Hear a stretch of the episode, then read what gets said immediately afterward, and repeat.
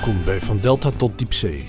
Een zoektocht naar de stand van de zee met onderzoekers van het Koninklijk Nederlands Instituut voor Onderzoek der Zee, het NIOS. Iedere maand nodigen Tesselblok en ik een onderzoeker uit om de trap te beklimmen naar het torentje van het instituut op Tessel.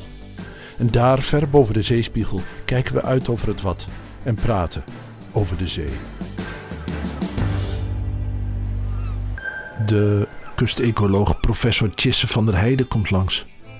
Hij doet onderzoek naar het grensgebied tussen land en zee. Van de duinen via de kwelders en de zandplaten tot op de bodem van de geulen. Zijn warme belangstelling betreft ecosystem engineers, dat wil zeggen beesten en planten die niet alleen de biodiversiteit verhogen, maar ons in één moeite door helpen onze kust te verdedigen. Een dijk met een kwelder of een oesterbank ervoor kan veel meer hebben dan een dijk waar de zee ongehinderd tegenaan beukt. Maar hoe krijg je oesters of mosselen zover dat ze uit eigene beweging een kolonie voor de dijk aanleggen? Hoe zorg je dat zoutminnende planten gezamenlijk een kwelder bouwen? Daarover komt Chisse van der Heijden, professor in de kustecologie, praten in het torentje van het NIOS. Dat uitzicht biedt op het Wat, het Marsdiep en het gat van de Noordzee. Het ligt voor de hand dat hij, gezien zijn specialisme, bij dat uitzicht vooral kijkt naar de overgang tussen land en zee. Nou ja, ik zie een. Uh, als ik over de dijk heen kijk, dan zie ik een uh, prachtig uh, waddensysteem met intergetijdenplaten. En natuurlijk het Marsdiep, wat het, wat het wadsysteem dan weer vult en waar langs het ook leeg loopt. Schitterend natuurgebied. En tegelijkertijd zie je ook, nou ik zeg al, ik kijk over die dijk heen. En zie je dus ook meteen de hand van de mens er al heel sterk in terug. Dus het is een heel waardevol natuurgebied met heel veel unieke soorten. Heel belangrijk ook voor trekvogels. Maar waar wij zelf als mensen ook al een belangrijke invloed op hebben gehad. Wat wij zien op zee is ook een direct gevolg van het feit dat die dijk daar ligt. Stel dat die er niet zou liggen, dan zou het er toch heel anders uitzien, neem ik aan. Dan zou het er uh, waarschijnlijk heel anders uitzien, ja. dus dan uh, zou het een helder daar natuurlijk niet liggen. En dat was, uh, nou, daar, daar zijn hele stukken polder zijn natuurlijk daar ook ingedamd. Dus dan zou het sowieso daar rondom het Balzand heel anders uitzien. Ik denk ook dat de kop van, uh, van Tessel er heel anders zou uitzien. Uh, zeker die Prins Hendrik Zandijk die zou er natuurlijk niet liggen. Uh, dus ja, dan kijk je natuurlijk wel, dan zou je naar een hele andere wereld kijken. Ja, ja. klopt. De Waddenzee zoals wij hem kennen is eigenlijk vrij jong. Is nog maar zo'n duizend jaar oud. Hè? Ja. Want ik heb altijd begrepen dat in de stormvloeden van de 11e en 12e eeuw... dat het gebied opengebroken is. En dat aan het eind van de 13e eeuw het pas helemaal eruit zag zoals wij het nu kennen, min of meer. Maar als we dan teruggaan voordat die Waddenzee is volgestroomd. Hoe ziet dat eruit als we van open zee het land opgaan? Wat voor stadia, eh, als we daar doorheen zouden trekken, wat voor stadia komen we dan tegen? In de oude situatie? In de oude situatie, gewoon de natuurlijke ja. situatie. Het zijn geen dijken, nee. zijn nou. alleen nu en dan wat terpen, zoals Plinius al zei. Ja. Maar voor de rest is het nog een helemaal een open systeem. Je gaat, uh, ja, als je begint en je zou uh, op de Noordzee beginnen, dan kom je eerst een, uh, een waddeiland tegen. Een van de Waddeneilanden. Met een, uh, met een strand natuurlijk. Uh, en, en, en de lage duinen, gevolgd door de primaire kering. En daarachter had je... Wat is een primaire de, de, Dus de, de, de witte duinen, zeg maar. Dus de hoge witte duinen, die eigenlijk... Ja, dat is eigenlijk onze, onze grote stormbuffer, ook voor de Waddenzee. Hè? Dus die, zonder die, die, die barrière-eilanden, zonder die Waddeneilanden... zou er geen Waddenzee zijn. Dan de, zouden die watplaten er niet zijn. Oké, okay, dus, dus de, je hebt het strand en je zegt eerst lage duinen en dan hoge duinen. Ja, dus, hè, dus als je van het strand grofweg komt... dan kom je daarna kom je meestal kom je wat, wat babyduintjes tegen, hè, wat embryonale duinen... en dan kom je die hele hoge duinrug tegen. En dat, is, uh, je, de, dat zijn de witte duinen. En die, uh, die hebben de belangrijkste waterkerende functie. Vaak heb je erachter dan nog, afhankelijk van waar je zit, heb je nog wat, uh, wat grijsduin. Dus dat zijn de wat oudere duinen. En dan ga je over in kwelders. En, dan, en die, die overstromen natuurlijk met regelmaat nog. Hè, dus die duinen liggen meestal droog, behalve bij extreme stormen. Dan, dan breekt dat soms eens door en dan, dan komen er openingen in die kwelders die erachter liggen, die overstromen al vaker. En dan op een gegeven moment stap je weer van die kwelders af de watplaten op. Die dus eigenlijk ook gevormd zijn doordat die, die, die barrière-eilanden, die waddeneilanden daar lagen. Je hebt, ik wil nog even terug naar die duinen. Ja. Je, je, noemt kleine duintjes, witte duinen, grijze duinen. Ja. Waarom witte en grijs? Uh, de, de, witte duinen, dat zijn echt zeg maar de, de, de, jonge duinen die zich echt nog, nog vormen en ophogen. Uh, waarbij de, de, dus dat zijn, is echt de, de, de, en die ontvangen ook nog steeds zand vanaf de zee, zeg maar. En daarachter liggen de wat oudere duinen. Die zijn vaak zijn ze intussen een beetje, een beetje lager en die zijn wat ouder. En daar is het, uh, het, het, het, kalk is er ook een beetje uitgespoeld door het regenwater. En, en, en, er groeien natuurlijk al heel veel planten op. Dus er zit vaak wat een, een, een organische, uh, organische stof zit er door het zand heen gemengd. Daardoor, krijgt het ook wat een andere kleur. Vandaar de beschrijving grijze duinen. Maar wat er, wat er in ieder geval gebeurt is dat achter dat primaire duin... dus op het moment dat de zandtoevoer stopt... En dan blijft de regenwater blijft natuurlijk opvallen. Dat lost elke keer een klein beetje kalk op uit dat, uh, uit dat zand. En dus wordt, die, wordt het duinzand wordt elke keer een beetje zuurder. Ja, juist. Ja. Uh, ja. Want hoe meer kalk er is, hoe meer dus het zuur wordt ge... gebufferd. Gebufferd, ja, ja. ja. Het is eigenlijk, uh, zoals je het nu beschrijft, uh, stel ik me voor dat het is op de bosplaat en op, op het ja. oert. Ja. Je zegt nadat die kwelders, dan loop je weer op de, de watplaten. De, de, de watplaten. Ja. Uh, dus je denkt dat de Waddenzee zoals die was in de, in de tijd van de Romeinen... dat het wel zo vaak onderliep dat je niet zeg maar door één kwelder naar, het, naar de terpen zou nee, dat, dat denk ik niet. Nee, dat nee. denk ik niet. Nee, nee. Dus dat was, het was niet zoals dat je nu bijvoorbeeld op Amerikaanse uh, barrière-eilanden... hier is het daarachter is het een aaneengesloten kwelder met slijkgras... Die, die situatie hebben wij op die manier volgens mij niet, uh, niet gehad. De, de, afstand tussen de, de Waddeneilanden en de vaste wal, zeg maar daarachter, is, is in, in de Nederlandse situatie ook veel groter. Ja. Oh, dus daar hebben wel, wel kale, wat, kale daar hebben watplaten tussen gezeten die met regelmaat overstroomden. En, het, en waarom is die kwelder dan wel begroeid en die watplaten? Is het omdat die watplaten lager zijn? Die liggen wat lager, ja. En die liggen ook al wat minder weer in de beschutting. Want die kwelder achter die duinen liggen natuurlijk ook in de directe beschutting van die duinen. En die afstand tot die duinen die neemt, uh, naarmate hij weer verder landinwaarts gaat, neemt hij weer wat toe. En dan, krijg je, dan loopt het dus over in watplaten. En geulen. Ja, ja. oké. Okay, dan heb je de watplaten en de geulen. En dan kom je, nou ja, als we even naar, naar, de, naar die oerstaat gaan, zoals Plinius hem beschrijft. Dan kom je uh, op een gebied waar terpen zijn opgeworpen, waar mensen op wonen. Dan kom je weer op de lage kwel, of de, op de lage en de hogere kwelders. Ja, uh, en die kwelder ja. die ziet er eigenlijk ongeveer net zo uit aan de, wat we nu de Friese kust noemen. Dat, nee. Ja, we hebben nu de Friese kust is natuurlijk... Uh, daar hebben we wel flinke kwelders. Maar die kwelders zijn allemaal uh, door de mensen gebouwd met uh, landaanwinningswerken. Ja, maar, maar, voordat die landaanwinningswerken, dus de natuurlijke situatie... Ja. zijn de kwelders aan de kant van het vasteland zonder menselijk ingrijpen... zijn die vergelijkbaar met de kwelders die achter bijvoorbeeld nu nog in het oert liggen en in de bosplaat? Qua de manier waarop ze vormen, wellicht wel, maar ze zijn wel een stuk modderiger. Dus de, de, je ziet dat de, de kwelders op de eilanden die zijn uh, wat zandiger. Dus je kunt je voorstellen als het uh, water vanaf de Noordzee naar binnen komt en dat zit vol met, met, met, met zwevende deeltjes, dan zullen de zwaardere zwevende deeltjes zullen eerst uitzakken. En dat gebeurt vooral rondom die Waddeneilanden. En naarmate je verder landinwaarts gaat, dan gaat de energie steeds verder uit het water. En wordt er dus, worden die kwelders die vangen steeds meer die kleinere fracties in. En dan wordt het dus ook modderiger. Op het moment dat je het vasteland oploopt, Um, en dat is een hele geleidelijke overgang, kan ik me voorstellen. Ja. Dan kom je echt uh, uh, enkel diep in de kledder terecht. Eigenlijk. Dat zou zomaar kunnen, ja. ja, ja, ja. ja. Op het moment dat die dijken er niet waren nog... en um, die mensen daar op die terpen leven... zou jij voldoende vertrouwen hebben in het natuurlijke systeem... dat je denkt, nou, die, op die terpen durf ik wel te wonen? Nou, ik denk dat er heel wat ongelukken zijn gebeurd in het ja, verleden. toch wel? Ja, ik... Kijk, er was te leven, maar uh, die terpen waren niet zo hoog. Dus ik kan me voorstellen dat het... Kijk, we, hebben, we hanteren nu natuurlijk regels. Het mag maar één keer in de zoveel duizend jaar mag zo'n dijk doorbreken. Nou, met die veiligheidsmarges... Laten we zo zeggen, het terpje mag voor mij wel wat hoger zijn. Ja, voordat ja. ik erop ga wonen. Ja, maar in, het, het, principe zou natuurlijk uh, uh, kunnen. Alleen dan heb je wel een heel ander leven. Die mensen die... uh, ik, ik, stel me voor dat die in de winter vooral echt, echt op die terpen leefden. En er heel vlak rondom. En het vee ook. Want die kwelders die overstromen dan natuurlijk relatief vaker. En zomers heb je dan toch, uh, ja, zullen ze wat, wat meer in de, in de omgeving hebben geleefd. Stel ik me zo voor. Dus, ja, nou, ja, ik stel jou die vragen omdat uh, jouw onderzoeksgebied is precies dit. Hè? Dus de kust die heel geleidelijk afdaalt naar de zee. Ja. Dus vorming van duinen, vorming van kwelders. En Ja. kijken wat daar groeit en onder welke omstandigheden het daar groeit. Ja. En wij zijn natuurlijk dijkenbouwers. We hebben het idee, we moeten daar zo'n dijk neerleggen, want anders wordt het niks. Maar ehm, als ik jou vraag, is de natuur ook een goede eh, bouwer? De natuur is een uitstekende bouwer natuurlijk. Ehm, maar als je zegt van ja, ben je op zo'n eh, op zo'n kwe- kwelder 100% eh, sta je in voor 100% voor je eigen veiligheid, dan zou ik zeggen nou nee. Nee. Ja, die, die, die natuur die bouwt een, een, een kwelder en die kwelder is, is juist ontworpen om met regelmaat te kunnen overstromen. Die planten die kunnen daar ook mee omgaan. Uh, en en naarmate je verder naar achter komt, uh, neemt de kans op overstroming neemt steeds verder af. En dat, dat, dat zie je ook terug in de planten en de dieren die je daar vindt. En eigenlijk kun je, zou je kunnen zeggen, ja, op het moment dat je daar een terp bouwt op een midden hoge kwelder, dan, uh, dan neem je als mens natuurlijk een risico. Want jij bent wat minder overstromingstolerant wellicht dan zo'n plant die daar die kwelder bouwt. Ja, maar het zijn niet alleen maar pushfactoren, het zijn ook pullfactoren. Er is een reden geweest dat mensen zich daar gingen vestigen. Ja. Dus er moet ook een voordeel geweest zijn.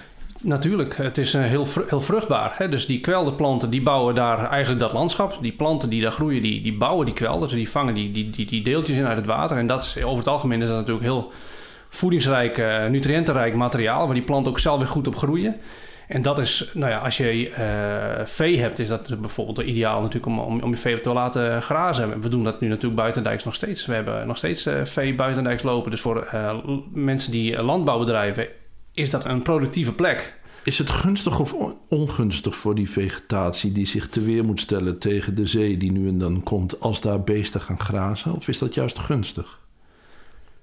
Dat is een interessante vraag. Um, het verandert in ieder geval de vegetatie wel uh, stevig. Uh, als je bijvoorbeeld op Schiermonnikoog, uh, daar wordt nog met regelmaat, hè, staat het veder in de zomer op de, op de kwelder. En het, de plekken die, met regelmatig, die regelmatig worden bezocht, en eh, waar de koeien veel grazen, daar vind je de, uh, grassoorten die tolerant zijn tegen vertrapping en tolerant zijn tegen het begrazen. De plekken waar de koeien minder vaak komen, ja, daar vind je andere, andere soorten die, die, die de bodem juist luchtiger en opener houden. En, en, en, en die ook, maar die ook minder goed tegen die begrazing kunnen. Ja. Dus het heeft wel degelijk een, een effect op hoe zo'n kwelder eruit ziet als je daar met zwaar vee eh, gaat lopen, wat er eerst niet. Uh, en welke kwelder is beter bestand tegen de zee? De begraasde of de onbegraasde kwelder? Ik denk dat ze allebei prima bestand zijn als je eh, nadenkt over eh, wat haalt het, meest, meeste energie uit het water. Dus wat is voor het achterland beter? Dan is die onbegrazen kwelder zo beter zijn. Maar daar staat, daar staat hogere vegetatie die ook in staat is om meer energie uit het water weg te halen.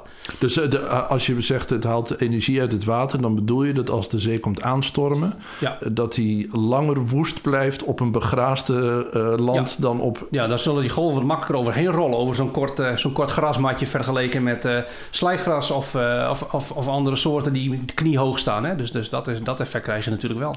Dat, ik zie een vegetatie vormen van een natuurlijke kwelder van ja, uh, plantjes die uh, op zijn best misschien nog eens een keer tot mijn knieën komen. Maar voor de rest dat het toch een laag bij de grondse vegetatie is.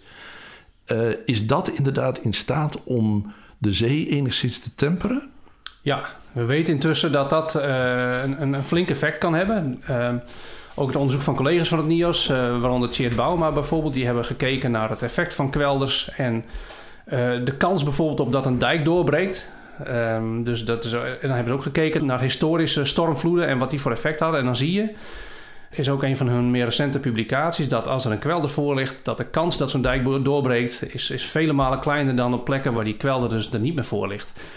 En dat geeft eigenlijk al aan dat die kwelder een hele belangrijke golfdempende werking heeft. Dus eigenlijk op het moment dat zo'n zo'n storm dat water opstuurt, is de eerste stap is dat eigenlijk de vorm van een watplaat is heel belangrijk. Als je een watplaat hebt die bol van vorm is, dan is die beter in staat om het, de energie uit het water te halen en de golven al een beetje af te remmen dan een holle plaat. En vervolgens zie je dat, uh, dat eigenlijk die kwelder uh, daar extra energie uithaalt. Een holle en een bolle zandplaat. Wat is de natuurlijke vorm van een plaat? Of uh, um, krijg je zowel holle als bolle? Je krijgt ze allebei. Alleen de, de, de holle plaat is meer erosief. Dus die verliest over het algemeen meer zand. En de, de bolle plaat is vaak meer aangroeiend van natuur. Ja. Ik zag het even als een kratervorm, maar het kan ook Nee, het is meer in de, in de dwarsdoorsnede. Dat hij dus hol ja. oploopt of, of, of bol oploopt. Oh, ja. Ja, ja. Maar goed, een, een kwelder haalt de angel al uit de zee. Dat wil zeggen dat uh, de dijk bij Wierum in Noord-Friesland is eigenlijk veel meer bedreigd dan de dijk bij. Want daar, ja, dat is gewoon slik tot, tot aan ja. de dijkvoet. Ja. Dan bijvoorbeeld verder naar het oosten bij Westernieland of zo. Waar ja, dat dat zou, dat zou je wel verwachten, alhoewel het wel ook te maken heeft met, met de grootte van de watplaat die daarvoor ligt. Dus als er een enorme watplaat voor ligt, waardoor het water een grote afstand over zo'n watplaat moet, uh, moet afleggen, dan wordt er door die watplaat zelf ook al veel uh, energie uit het water gehaald. En een kwelder voegt daar eigenlijk nog weer aan toe. Domweg omdat hij hoger, uh, hoger ligt en omdat die, die, die vegetatie, dus die planten die erop staan, die, die geven extra ruwheid aan die bodem. En het is die ruwheid en, en, en, en dat, dat, dat, dat oplopende aspect van, van zo'n watplaat of van zo'n kwelder die de, in de energie uit het water ja, weghalen.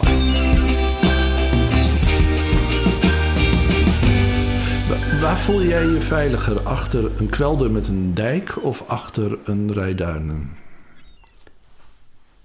Oh, ik voel me achter allebei, uh, zou ik me hartstikke veilig kunnen voelen. En in beide gevallen heeft het te maken met, uh, met, met hoe, die, hoe ze er precies bij liggen. Ja. Je hebt natuurlijk duinen, die, die zijn niet zo bijzonder hoog. En daar kan misschien bij een stormvloed het water wel overheen komen.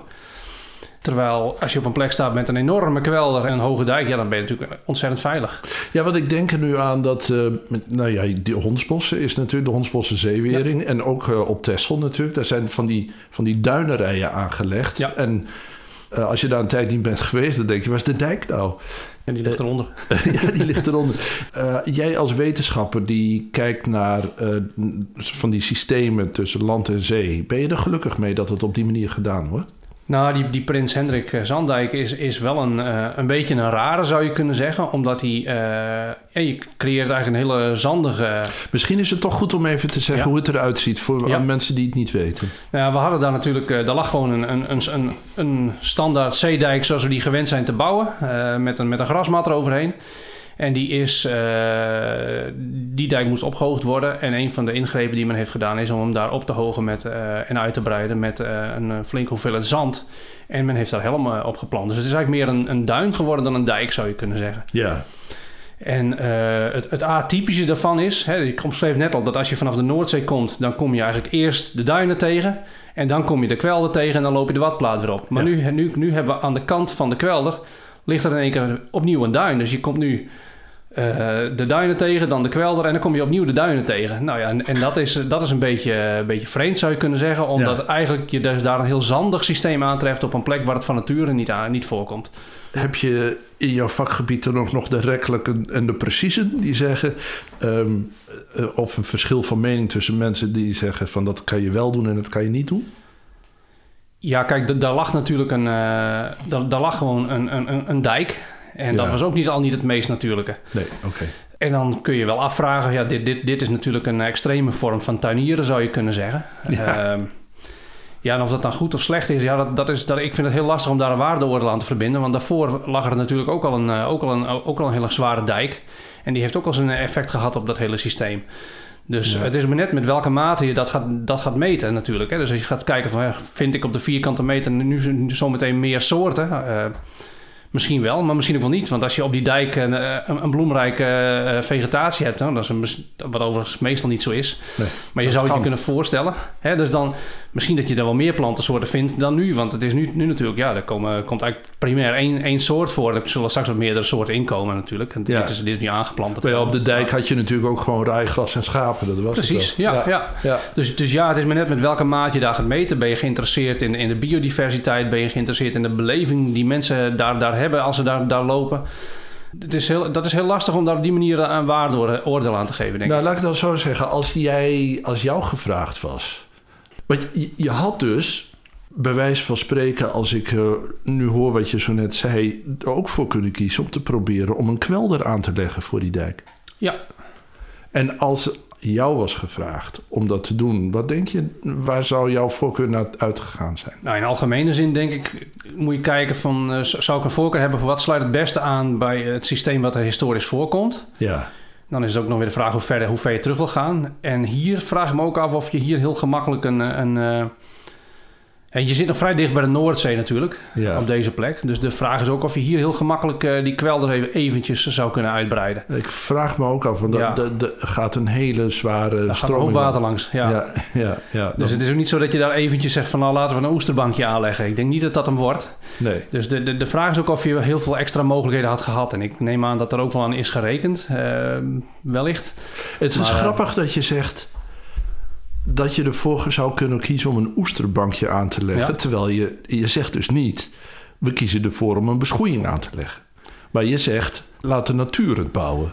Nou, ik denk wel dat dat een, uh, een manier van kijken is naar ons huidige beheer. Wat uh, in ieder geval bij mij, uh, voor mij is persoonlijk is het belangrijk van hoe kunnen we nou die systemen zo natuurlijk mogelijk laten functioneren. Ehm, zodat de natuur eigenlijk maximaal zijn gang kan gaan. Uh, maar dat wij hier ook nog daar veilig en goed samen mee kunnen leven. Uh, en je ziet ook in een meer algemene zin dat dat, hè, dus het, dat, dat, dat meer, meer een belangrijke insteek wordt. Denk aan, aan de, de building with nature benaderingen. maar ook, ook in, in, in de duinen bijvoorbeeld het, het, de, meer de toename aan focus op het dynamiseren van landschappen. En dat, dat, dat zie je wel steeds meer terugkomen. Je komt op, op het. je noemde niet voor niets het oesterbankje. het oesterbankje als zo heet ecosystem engineer, geloof ik. Een oester, een oester is, een, is een ecosystem engineer, net als een, een mossel of een, een kwelderplant of een duinplant. Hè? Dus het zijn allemaal soorten die uh, bouwen als het ware hun eigen omgeving. En uh, een duinplant, een duingras, zoals helmgras doet dat door een, door een duin te bouwen. Uh, kwelderplanten zoals slijkgras of kweldergras, die doen dat door kwelders te bouwen. En een oesterbank, of een oester vormt een oesterbank. Ja. En daarmee, als je op een oesterbank staat, ja, dan is dat toch wel even wat anders dan de zandplaten die daarvoor voorkwam. Stel je voor dat je een gebied zou moeten beveiligen door ecosystem engineers in te zetten. Bijvoorbeeld een oesterbank. Ja, er wordt over nagedacht. Ja, ja, vertel eens um, op wat voor manier wordt over nagedacht en kan je een voorbeeld geven hoe dat er dan uit zou zien? Nou, waar de, de, de, meest voorkomende manier om er nu over na te denken is van kunnen we nou uh, bijvoorbeeld die oesters en die mosselen of ook kwelders, uh, kweldervormende planten, kunnen we die nou inzetten voor die dijk? Dus als, uh, om eigenlijk al een groot deel van de golfkracht en de, de snelheid uit het water te halen, waardoor we die dijk uiteindelijk wat lager kunnen houden.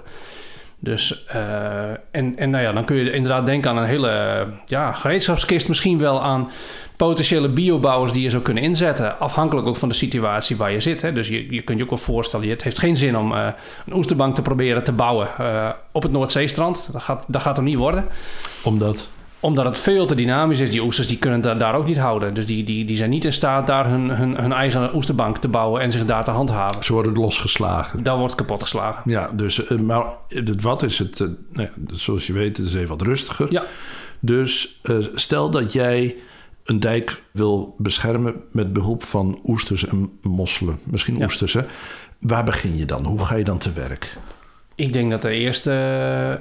Eerst maar eens kijken hoe breed die plaat is die daarvoor ligt. En wat je daar uh, op kwijt zou kunnen, logischerwijs. Kijk, als, een, als het gebied heel laag ligt dan, uh, dan is het misschien helemaal niet opportun om daar een, uh, iets neer te leggen. Maar in een, in een, stel je zou daar een vrij grote, flauw aflopende plaat hebben, dan zou je kunnen denken aan, aan, aan, aan kwelders die je daar zou kunnen aanleggen. En hoe doe je dat dan? Wat, waar begin je dan? Want, je, want je hebt het steeds ja. over iets wat je neerlegt. Wat ja. leg je dan neer? Nou, dat is nog een vraag op zich. Kijk, we zijn kla klassiek gewend om. Um, om dan uh, bijvoorbeeld rijshouten dammen neer te leggen. En uh, dan hoog in het land op en dan komen op een gegeven moment komen die planten daar terug. En dan eindig je eigenlijk met zo'n hele vakkenstructuur die eigenlijk die kwelder opbouwt. En dat zijn natuurlijk niet de meest natuurlijke kwelders die, die, die, die je kunt voorstellen. Dat is in feite de ouderwetse manier, ja. zoals een landaanwinning ja. ook gebeurde ja. bij Noord-Groningen, Noord-Friesland. Je zet beschoeiingen neer, um, een rechte hoek op de dijk en dat met, met rijshout en op de duur basaltblokken erin. En dan houdt het het slijk vast. Ja. En dan...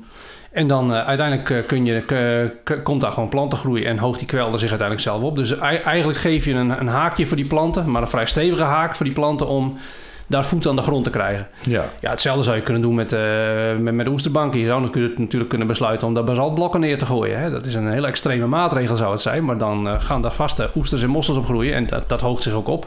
Ik was een paar weken geleden op het Wat onder Ameland. En daar is 150 jaar geleden is daar een hele lage dam aangelegd met inderdaad rijshout en basaltblokken.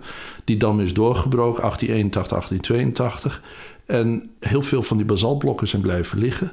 En waar die dijk lag, daar ligt nou een prachtige oesterbank. Ja. En als je dan heel diep gaat graven, dan, dan vind je, je, de stenen nog terug. Dan vind je de stenen nog terug. Ja, ik heb, ik heb er een meegenomen.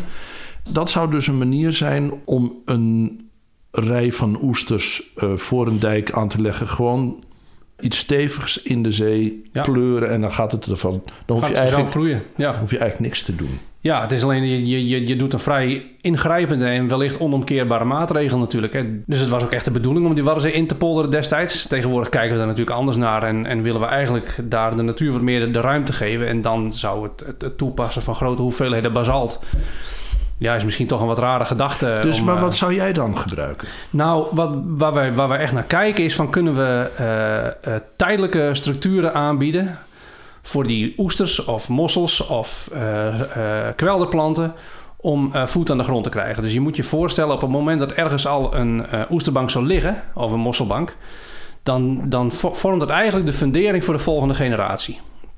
Dus zo'n zo'n bank is een hele complexe 3D-structuur. Is, is, een, is een harde ondergrond ook. ook hè. is heel anders dan natuurlijk het losse zand. En als je dan een, een jonge mossel of oesterlarve bent... en dan groei je de eerste week op eh, in de waterkolom... en dan zoek je een plekje op de, de zeebodem na verloop van tijd... En dan, eh, dan is eigenlijk eh, de meest verkeerde plek waar je terecht kan komen... is eigenlijk op het losse zand. Want je hebt en geen stabiele ondergrond om je aan vast te kunnen hechten... en er zit een klein leger aan eh garnalen en krabben op je te wachten om je op te eten. Ja. Nou, en op zo'n bestaande mossel- en oesterbank, ja, daar kun je ergens aan vasthechten. Er zitten allemaal gaatjes en, en, en, en, en, en, en, en groeven in die, in die mossels en die oesters waar je je tussen kunt verstoppen. Dus je bent ook veilig. Of in ieder geval een stuk veiliger voor die krabben en die garnalen. Dus je kans op overleving is gewoon veel groter. Dus op het moment dat zo'n mossel- of oesterbank bestaat, dan houdt hij zichzelf voor, kan hij zichzelf in ieder geval veel beter in stand houden. En is hij ook, eh, is een, als er, als er maar eenmaal een bodempje ligt, dan, eh, dan is dat ook voor de volgende generaties Ja. een, een ondergrond. En is, is het een stevige structuur? Als het er eenmaal ligt, kan Ja. het veel hebben? Ja, ja, dat weten we intussen ook. Hè. Dus vaak als je die wat oudere mosselbanken hebt, dan ligt daar een hele fundering, een oud schelpenmateriaal ligt er eigenlijk onder. Dus die, die, die, die generaties van, van mossel en oester, die vallen eigenlijk over elkaar heen en die hogen langzamerhand zo'n zo'n bank op. Op een gegeven moment wordt dat natuurlijk beperkt door de, door de waterhoogte en dergelijke. Maar eh, dat, dat kan echt met, met, met een half meter tot een meter hoger worden dan de omgeving, zo'n bank. En is het zo dat je, eh, als het er eenmaal ligt, het dus niet makkelijk wegkrijgt en dat het, dat het zich ook makkelijk kan uitbreiden eh, aan de randen? Eh, dat werkt anders voor mossels dan bijvoorbeeld dan voor, voor kwelderplanten. Hè. Dus voor kwelderplanten geldt eigenlijk overigens ook, wel hetzelfde principe. Hè. Je kunt je voorstellen als je een klein, zaadje bent en je zoekt een plek op de losse zeebodem en je bent een heel klein plantje, dan is de kans dat je loslaat is veel groter dan wanneer je een grote, al een grote kwelderpluk hebt gevormd. Dan zit je gewoon veel vaster in die watbodem. Dus, dus ook daar is eigenlijk die eerste fase om een voet aan de grond te krijgen is heel kritisch. Nou, en voor, voor, voor kwelderplanten geldt eigenlijk dat die zich klonaal uitbreiden. Dus die, die groeien eigenlijk via wortelstokken, eh, groeien die gewoon eh, de omgeving in, dus die kale zandplaat op. En voor, voor mossels en voor oesters ge- geldt dat natuurlijk niet. Dus die, die moeten eigenlijk toch eh, pulsgewijs die omgeving een beetje zien te koloniseren. Waarbij die Ja. bank wellicht wel kan helpen. Want je kunt je voorstellen dat als je zo'n bank eenmaal hebt... dat er wel eens wat losse brokken, eh, wat brokken van losslaan... die dan in de omgeving terechtkomen... wat dan wellicht wel weer ook een startpunt kan vormen voor volgende generaties... waardoor zo'n systeem zich langzamerhand opvult. Maar, Maar- eigenlijk begrijpen we dat ook nog niet zo goed. Nee, want ik kan me ook voorstellen dat, eh, dat was overigens ook de gedachte achter die dam van Ameland. Je, ma- je maakt een lage dam en dan slipt het vanzelf aan. Dus ik kan me voorstellen dat eh watlopers die weten ook, als je bij Mosselbank in de buurt komt, dan, wordt het, dan ga je inderdaad tot, tot Ja. soms wel tot je knieën in, in, in, In de mosselpoep. in de mosselpoep. Ja. Ja. Dat wil zeggen dat het ook eromheen slipt het ook op. Dat Ja. wil zeggen dat ze mee moeten groeien natuurlijk. met Dat doen ze ook, ja. Ja. En, en mossels die maken zichzelf, die kunnen ook echt nog bewegen, ook op oudere leeftijd. Hè? Want die zitten, zetten zichzelf vast met, met, met, dat noemen we de byssusdraden. En die kunnen zichzelf losmaken en dan kunnen ze zichzelf eh, weer op een betere plek positioneren. Voor oesters geldt dat niet, die lijmen zichzelf vast. En als die inzanden of overslippen, dan gaan ze dood. Maar Oh. meestal zitten er dan weer intussen alweer jonge oestertjes op die oude oester. Geweldig dat er ook weer werkwoorden voor zijn als inzanden en overslippen. ja, ja, ja, ja, Zo ja, die leren we elke dag wat. Ehm, En het is wel zo ook dat, dat, dat, dat, dat het inslibben van die omgeving... Hè, we hebben ook wel, wel gekeken van wat doet dat nou met de rest van, van, zo'n- van, van al die beesten die op die watplaten voorkomen. En we zien bijvoorbeeld dat in de luwte van, van mosselbanken... zie je ook vaak hogere dichtheden aan, aan, aan eh, schelpkokerwormen en van, eh, van kokkels. En die maken de bodem ook weer steviger en die zouden we wellicht wel als een, als een geschikte plek... ook weer kunnen fu- fungeren voor, het, voor, een, eh, voor, voor mossels en oesters om zich daar weer te vestigen. ja, zit even te denken. Je hebt, als, er- als, er- dat heb ik in ieder geval op school geleerd bij biologie. Dat je pionierbevolking hebt. Dus Ja. eerst, je hebt eerst naaldhout. En dan, dat maakt het, de omgeving geschikt voor de loofbos, geloof ik. Zoiets. Er zit een hele gelaagdheid in. Ja, Ja. dat je in ieder geval pioniersoorten hebt en volgers. En, Ja. wat, en bij in geval van schelpen, wat is dat dan? Nou, ik denk niet dat je dat zo zou kunnen zien. Ik denk niet dat, het, eh, dat je zou kunnen zeggen van nou, de ene soort is de pionier en dan, en dan, en dan de andere die, die- dat daar een duidelijke mate van successie in zit. Niet bij schelpdieren, op de gewoon eh velden natuurlijk wel. Hè? Dus daar zie je dat, eh, dat eh, slijkgrassen en eh zeekraal, die, die komen eerst en die beginnen die kwelder op te hogen. En naarmate die kwelder verder ophoogt, komen er andere planten in. eh, kweldergras en, eh, nou, en, en, en, en en zo verder. Dus, en, en, en uiteindelijk kom je, kom je echt op de wat drogere grassoorten uit, naarmate die kwelder steeds hoger wordt.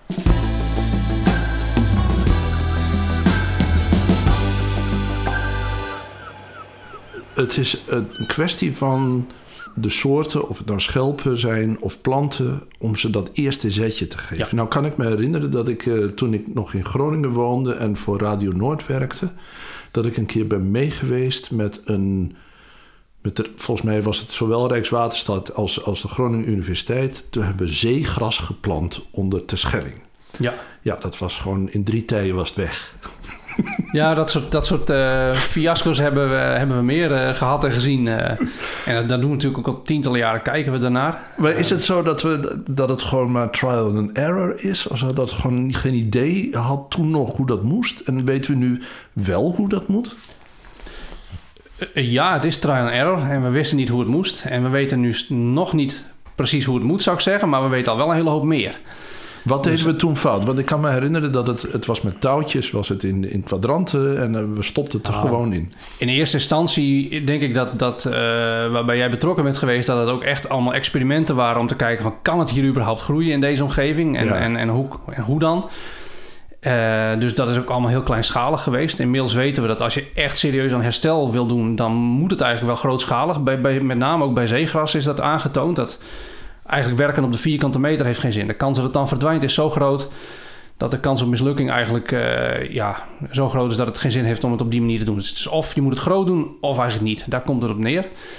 En we weten ook dat eh, de, de, de locatie waar, waar je dit soort dingen onderneemt is, is uitermate belangrijk. En dat hebben we soms nog onvoldoende in de vingers. Dat we denken van nou, daar kan het.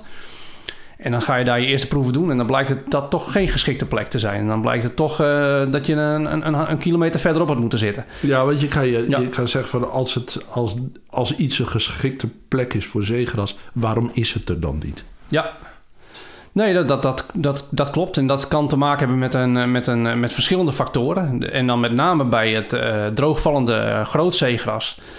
Dat is een plantensoort eh, die eh, in, het, in het droogvallende deel van de Waddenzee elke winter als eh, zaad overleeft. Met name als zaad, dus misschien 5% wortelstok en de rest is allemaal zaad. Ja. Dus je kunt je voorstellen, dat als die plant eenmaal verdwijnt en hij komt vrijwel in de hele Nederlandse Waddenzee niet meer voor, eh, ja, dan is het lastig terugkomen, want hij is er feitelijk niet meer. Nee, nee, nee. Dus dan krijg je gewoon een, een probleem van, van dispersie eigenlijk. Hè? Dus de, de, de- je hebt zaden nodig eigenlijk om, om eigenlijk die watplaten weer te kunnen bevolken. En dan helpt eh, herintroductie, kan helpen mits je dat op de goede plek doet. Nou, daar, daar eh, doen we rondom Grient nu experimenten mee. Dus daar hebben we uiteindelijk een, eh, een goede plek gevonden. Daar waren we in eerste instantie aan de zuidkant van Grient be- begonnen. Dat leek een geschikte locatie. Nou, dat bleek toch niet zo uit te pakken. Dus dan zie je toch dat ons begrip van die, van die watplaten en, en, en de modellen die daaronder liggen, dat dat nog niet verfijnd genoeg is om dat, om dat, helemaal, goed, eh, eh, ja, helemaal goed te voorspellen. Maar uiteindelijk zien we dus nu aan de, aan de noordoostkant van Grient. Daar is een hele grote watplaat die dus wel geschikt blijkt. En daar, hebben we nu, eh, daar ligt nu een eh, oppervlakte van zo'n 164 eh, hectare... waar verspreid over, die hele hectare, over, over dat hele oppervlak komen planten voor. Op basis van nog steeds nou, relatief bescheiden uitzaaiproeven die we hebben gedaan. We kwamen hierop vanwege de, het idee dat je een dijk kan beschermen door er iets voor te leggen. Ja. Bijvoorbeeld een, een mossel een oester, of Ja. een oesterbank, mosselbank. Daar, dat was jouw voorbeeld. Ja. Maar als je in plaats van een mossel- en oesterbank daar een eh, hectares met zeegras hebt liggen, werkt dat ook goed? Eh zeegrassen halen energie uit het water, Maar niet zoveel als maar minder dan een oester of dan een, eh, dan een kwelder. Ja, ja. En Ja. is het zo dat je grotere kans hebt voor eh, oesters of mosselen om zich te laten vestigen dan bij het wat kieskeurige zeegras? Ja, op dit moment wel. Domweg ook omdat we het beter begrijpen al. Dus we zijn eigenlijk in ons begrip van hoe die systemen werken, zijn we denk ik wat verder. En doordat het Segers eigenlijk ook voor het grootste deel eigenlijk helemaal is verdwenen, moet je van veel verder terugkomen als het ware. Ja, ja. Nou heb ik begrepen dat jullie een soort afbreekbare kratjes of zo, dat ziet er of roosters of matten ja. in, in de zeebodem leggen, op de zeebodem leggen. En dat dat, dat het, zeg maar, het, het knietje is om, uh, om ze zover te krijgen dat ze zich vestigen. Ja, dat is, uh, nou ja, sommigen omschrijven ook wel een soort honingraadstructuur. Het zijn een soort, uh, ja, ehm, het zijn een soort structuren van, van 2 centimeter hoog, een meter lang en een halve meter breed. En die kun je als een soort Lego blokjes weer op elkaar stapelen om, om, om, om hogere structuren te bouwen. En dan krijg je zo inderdaad een soort honingraadachtige 3D-structuur. Kunstmatig rifje. Ja, een kunstmatig rifje van, uh, gemaakt van biologisch afbreekbare uh, plastics. Op basis uh, ten dele van aardappelzetmeel. En het idee is inderdaad dat dat spul, dus de bees noemen we het, dat die structuren uh, in staat zijn eigenlijk om uh, mossels of kwelderplanten of zeegrasplanten eigenlijk over dat eerste vestigingsdrempeltje heen te helpen door bepaalde eigenschappen die een volwassen mosselbank of een volwassen kwelder heeft van nature, door die in dat vroege stadium tijdelijk te simuleren. Dus je kunt je voorstellen, een, grote kwelder, die, een grote kwelderplant die heeft een hele dichte wortelmat en die stabiliseert daarmee het zand. En, die, en doordat die groot is, haalt hij ook veel energie uit het water. Uh, nou, als je een enkel plantje neerzet, dan wordt hij meteen de bodem uitgerukt. Dus zetten we deze structuur er, eromheen en in de watbodem. En daardoor wordt die watbodem gestabiliseerd, net als in een volwassen kwelder. En wordt die energie ook uit het water gehaald uh, door die structuren, net als bij een, bij een volwassen kwelderpluk. En daardoor kan dat kleine plantje beschermd eigenlijk door, door die simulatiekwelder uh, voet aan de grond krijgen en uitgroeien. En hetzelfde kun je voorstellen bij een mosselrif. Hè? Dus ik legde net al uit dat een kale zandplaat niet een hele geschikte plek is voor een jonge mossel om uh, een, een, plekje te zoeken. Maar als je zo'n structuur neerzet, ja, dan heeft het eigenlijk de complexe structuur van een bestaande mosselbank. En we voegen daar zelfs nog kokerstouw aan toe om eigenlijk die bisesdraden een beetje te simuleren. Want ze vinden het prettig om op een vezelige ondergrond zich in eerste instantie te vestigen. Nou, en dan kruipen ze in dat kokerstouw als jonge mosseltjes. En naarmate ze verder opgroeien, dan hechten ze zich in die structuur. In de dus maanden daarna. Dus als, als je langs de, de dijken, de deltadijken van het Waddengebied, zo'n uh, strook met van deze, hoe noem je ze ook weer? Ja, uh, bies. Bies, ja. Uh, bies neerlegt, dan groeit er ook als ook het, ook het plantje er niks op. Dan groeit er van, dan vestigt er zich vanzelf wat op. Als je de goede plekken neerlegt, ja. En dan maak je daarmee de dijken veiliger. Dat is de gedachte. Maar ja. daar zijn we, daar zijn we, moet ik wel meteen bij zeggen, daar zijn we nog niet ver genoeg mee. Dus je ziet eigenlijk dat het principe, op kleine schaal zien we nu dat het heel goed werkt. Dus op het moment dat je een vierkante meter van, dat, uh, van die bees neerzet op een diepte waar mosselbanken kunnen voorkomen, dan heb je binnen 1, 2 jaar zit het helemaal vol met jonge mosseltjes. Um, maar we zien ook bijvoorbeeld dat de afbreekbaarheid van, het, uh, van de structuren is eigenlijk nog te langzaam. En tegelijkertijd zie je dat die structuren, ik leg al uit dat ze op elkaar klikken als een soort Lego-blokjes. Eh, dat zodra het begint af te breken, die structuur, dat dat klikpunt het eerste wat loslaat en dan begint het eigenlijk af te pellen.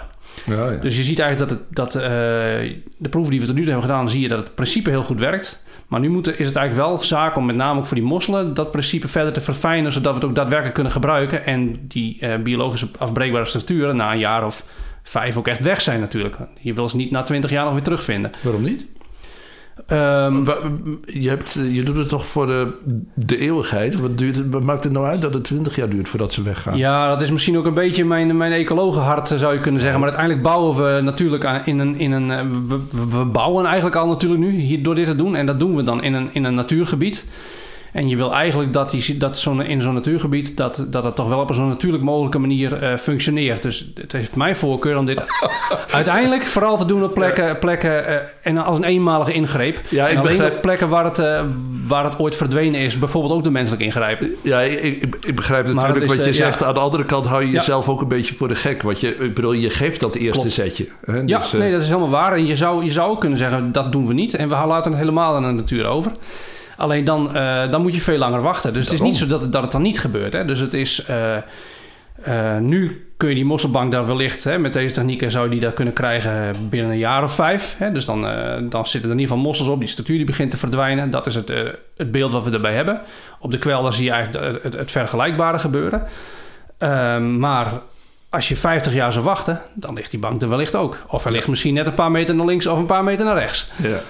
Ja. dus het is ook een, een, kwestie van de tijd die je die, die, als mensheid jezelf wil gunnen om, om zo'n gebied ja, zichzelf in stand te, te laten houden en te, en te vormen. Ja. Ja. ja.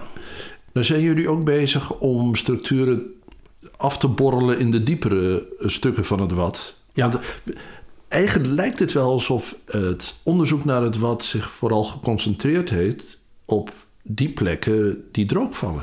Dat is denk ik ook zo. In ieder geval het experimentele werk zou je kunnen zeggen. Dus, uh, maar je hebt natuurlijk het Marsdiep van altijd, uh, of, of de, uh, het Eilandse gat, of ja. hè, dus de, de stortenmelk. Dat zijn dingen die, die liggen altijd onder water. Ja. En daar weten we eigenlijk veel minder van. Ja, dat, dat klopt. Dus, maar waarom ga je daar nog dingen afborrelen? Nou, we, we, we, we, hebben daar nu net een groot onderzoeksproject gestart. Het, uh, het Waddenmozaïekproject. Dat is ook waar je op, op doelt, uh, denk ik. En mm uh, de gedachte achter dat project is eigenlijk tweeledig. In eerste instantie willen we beter begrijpen hoe het ondergedoken water eruit ziet. Dus er zit eigenlijk een, een heel groot deel van het project draait puur om, om observeren, om meten wat komt daar nou eigenlijk voor? Welke soorten vinden we daar? Vinden we er? Waar vinden we die verschillende soorten? Hoe verhoudt zich dat in, in de ruimte ten opzichte van de andere soortgroepen die we vinden? Uh, en daarvoor uh, uh, monsteren we om de kilometer in een heel groot raster. Monsteren we, nemen we overal bodemmonsters met de, met de boxscore van de Navicula. Dus een grote bodemhapper zou je kunnen zeggen. En de Navicula is het, is het schip van het NIOS dat ja. onderzoek doet op het wat. Exact, ja. ja. ja, ja. En met die bodemhapper kunnen we dus eh, nou ja, zien we, of het zandig of, eh, of bodem is. We kunnen zien welke schelpdieren er op en in leven, welke, welke wormensoorten daar voorkomen enzovoort. We kijken ook naar hoe dat voedselweb daar lokaal eruit ziet. Dus dat proberen we helemaal te, te, reconstrueren. Dus dat is eigenlijk de eerste stap. Want er is heel veel ook discussie over momenteel van ja, wat is nou eigenlijk de, de toestand van het wat. Hoe ziet hij, hoe ziet hij eruit? Uh, is, is hij nou eigenlijk gezond? Hè? Dus uh, vanuit beheer wil men toe naar een, naar een rijke Waddenzee en een gezonde Waddenzee. Maar wat is dat nou eigenlijk? En hoe ziet hij er nu überhaupt uit? Nou, en eigenlijk de, de, de tweede uh, trap daarin is dat we ook beter willen begrijpen in, in hoe dat ondergedoken wat tot, tot stand komt en welke factoren daarbij belangrijk zijn. En daarbij doen we bijvoorbeeld onderzoek naar uh, vorming van schelpdierriffen, dus ook weer van mossel en van oesterbanken. Nou, ik noemde net al die, die... Maar dan dieper onder water. Ja, dus zijn nou die spelregels die we, die we zien. Hè? Net legde ik al uit. Het is voor een mosselbank lastig om je te, te vestigen op die watplaat. Want uh, hij is instabiel en er zitten veel rovers te wachten. Dus we weten dat dat belangrijke factoren zijn. Maar zijn die factoren nou even belangrijk in het diepe wat? En, en, en is die verhouding van die stabiliteit van die watbodem en die predatiedruk, is dat nou precies hetzelfde? Dus kunnen we die kennis die we hebben nou één op één vertalen naar het diepe? Of zijn de spelregels dan nou eigenlijk anders? Ja. Nou, en om dat te kunnen ontrafelen, zeg maar, uh, ja, doen we experimenten uh, waarmee we dat kunnen uitzoeken. En wat er ook een beetje wel aan ten grondslag ligt, is uh, de gedachte dat eigenlijk over de afgelopen jaren steeds meermaal eigenlijk voorgesteld van ja, we moeten daar weer uh, bijvoorbeeld harde structuren introduceren, want het wordt het biodiverser. Dat weten we ook uit, uit heel veel internationaal onderzoek. Als jij nou ja, stel je voor, als je ergens een schip, een schip afzinkt. Uh, iedereen kent die, die, die, die, plaatjes wel uit, uit films, uh, uit natuurfilms. Dat rondom zo'n schip barst het van de vis en de koralen die op zo'n schip groeien ja. enzovoort. Nou, je kunt je voorstellen dat op het moment dat je dat, je dat soort structuren onder water aanbrengt, dan wordt het ook uh, biodiverser. Ja, maar, de, maar ja, is dat wenselijk? Wat, wat jullie doen is niet een, een wrak afborrelen, nee. maar gewoon een verschillende um, structuren. Dus ja. van zand, van hout, van misschien wel afbreekbaar plastic, geen idee hoor. Um, ja. En, en dan kijken, als dat een tijdje in het diepe wat ligt, wat daar gebeurt. Exact. Dus, uh, dat is, en dat is ook geënt op. Dus daar zit, een, daar zit inderdaad die biologische afbreekbare structuren bij, maar ook grind. Wat van nature natuurlijk, natuurlijk nog op veel plekken voorkomt. Schelpen. Maar ook uh, grote stenen gemaakt van graniet. Ook om de simpele reden dat in het verleden is, uh, nou, is gesuggereerd van ja, misschien moeten we dat gaan doen. Nou ja, misschien is dat nou eigenlijk wel zo'n goed idee? Misschien moeten we eerst maar eens kijken wat dat zou doen als je dat doet. Ja. Nou, en zo introduceren we al die verschillen. Hout is dan nog een, uh, nog een zesde die we ook uh, testen. Je kunt je voorstellen, vroeger toen de Waddenzee nog open was... En waar wij ons verhaal begonnen en de rivieren vrij uitstroomden in de Waddenzee. eh, door veengebieden, door bossen. Dat er eigenlijk vroeger ve- veel hout ook is meegenomen. eh, de zee op. Nou, dat gebeurt nu natuurlijk niet meer. Nou, wat, wat gebeurt er nou als je hout eh, opnieuw op die wadbodem vindt? En er zijn ook plekken waar je overigens nog, eh, nog grote hoeveelheden hout vindt. Eh, ook in de Zuiderzee bijvoorbeeld, toen die werd ingepolderd. Een hele grote onderwaterbossen boven water gekomen. Ja, dat is intrigerend. En wij zijn gewoon ook wel nieuwsgierig van... ja, wat gebeurt er nou als dat soort plekken... ja, Hout drijft natuurlijk is een beetje lastig, maar dat doe je dan in een kooi of zo. Ja, nou, uiteindelijk drijft het dus niet meer. Hè? Dus het, eh, op het moment dat het helemaal is volgezogen met water. Dus we hebben het hout dat we nu gebruiken hiervoor. Dat zit inderdaad in een kooi. Maar, niet, maar eigenlijk vooral om te zorgen dat we het ook weer kunnen opruimen. Dat we eraan kunnen meten. Ja, ja. Eh, want het hout zelf, dat zinkt al. Want dat hebben we uit, eh, uit een veengebied eh, gehaald. Dus dat komt Oh, ja. al van de bodem van, van de je, hebt, je hebt soms als, als er wordt gebaggerd, dan spoelt er ook enorme hoeveelheden van dat oude Pleistocene hout Ja. op, bij IJmuiden op het strand. Ja. Goed, je doet het op de zeebodem, dan na een jaar haal je het boven en dan kijk je waar het meest op gegroeid is en wat er op gegroeid is. Of, Ja, dus En- de- en kijken- wat doet het dan het best? We kijken, dat, eh, we kijken dus om, het, eh, ja, om de zoveel maanden. Dus we hebben er nu al twee keer... We hebben het in eh, maart, april hebben we het uitgeplaatst. En we hebben er nu alweer twee keer naar gekeken. En wat je eigenlijk ziet is dat het, het materiaal... Maar dit is een beetje door de oogharen kijkend... waarbij de analyses nog niet af zijn. Dus, dus misschien dat ik, dit, eh, dat ik deze woorden later weer moet inslikken. Maar ik probeer het toch. eh, dat je door de oogharen lijkt te zien dat eh, het type materiaal niet zoveel uitmaakt. Dus het maakt niet zoveel uit of je nou, of je nou hebt over hout of graniet of schelpenmateriaal. Maar het maakt vooral uit hoe de ruimtelijke structuur van het materiaal eruit ziet. Dus, dus of, het, of er grote gaten in zitten of dat het juist heel fijn, fijn is van structuur. Dus er zit natuurlijk een heel groot verschil tussen of je een grindbed hebt of eh, graniet of grote blokken hout die, die over elkaar heen eh, liggen gestapeld. En met name die grote, grote grove structuren, die lijken een, een, een sterke magneet te zijn voor eh, bijvoorbeeld vissen. Die daar echt intussen gaan zitten. En je ziet ook dat de, de aangroei daarop, eh, op die grotere structuren, wat, wat, eh, ja, daar zitten wat meer soorten op die, eh, die zich echt daarop vastzetten. Op kiezels bijvoorbeeld gebeurt dat minder, omdat ja, die, je kunt je ook wel voorstellen, zodra het wat harder gaat waaien, dan gaat het een beetje rollen en zo. En dan ligt, nou ja, als je dan een zeepok bent of een oester en, die, en jouw kiezel die, die draait zich om, dan lig je in één keer onderop. Ja, Dus dat is niet zo handig. Dus Nee. je ziet eigenlijk dat die wat grovere structuren, dat die ja, eigenlijk de spelregels die je op, het- die je op het zandige wat had, zeg maar, het meest fundamenteel veranderen, zou je kunnen zeggen. En, en daar komt dus ook het meeste op af. Afsluitend, ecosystem engineering. Dus het, het inzetten van natuurlijke beesten Ja. en planten die hier voorkomen. Mogen we daar wat van verwachten in een wereld van reizende zeespiegels?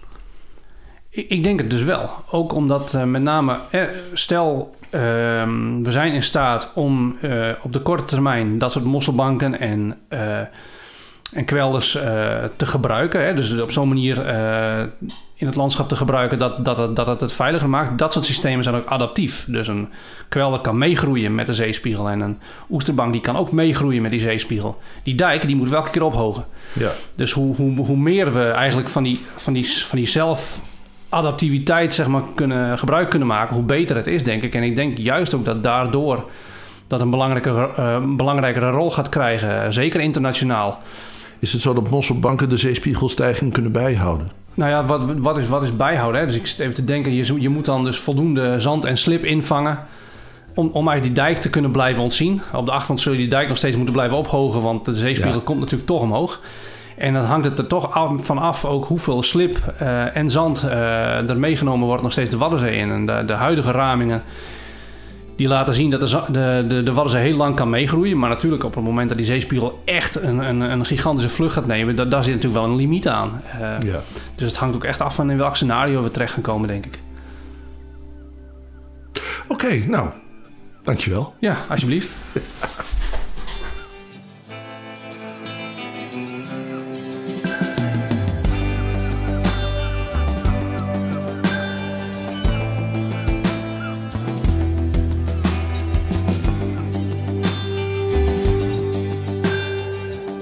was Van Delta tot Diepzee. Gesprekken op Texel met onderzoekers van het NIOS, het Koninklijk Nederlands Instituut voor Onderzoek der Zee.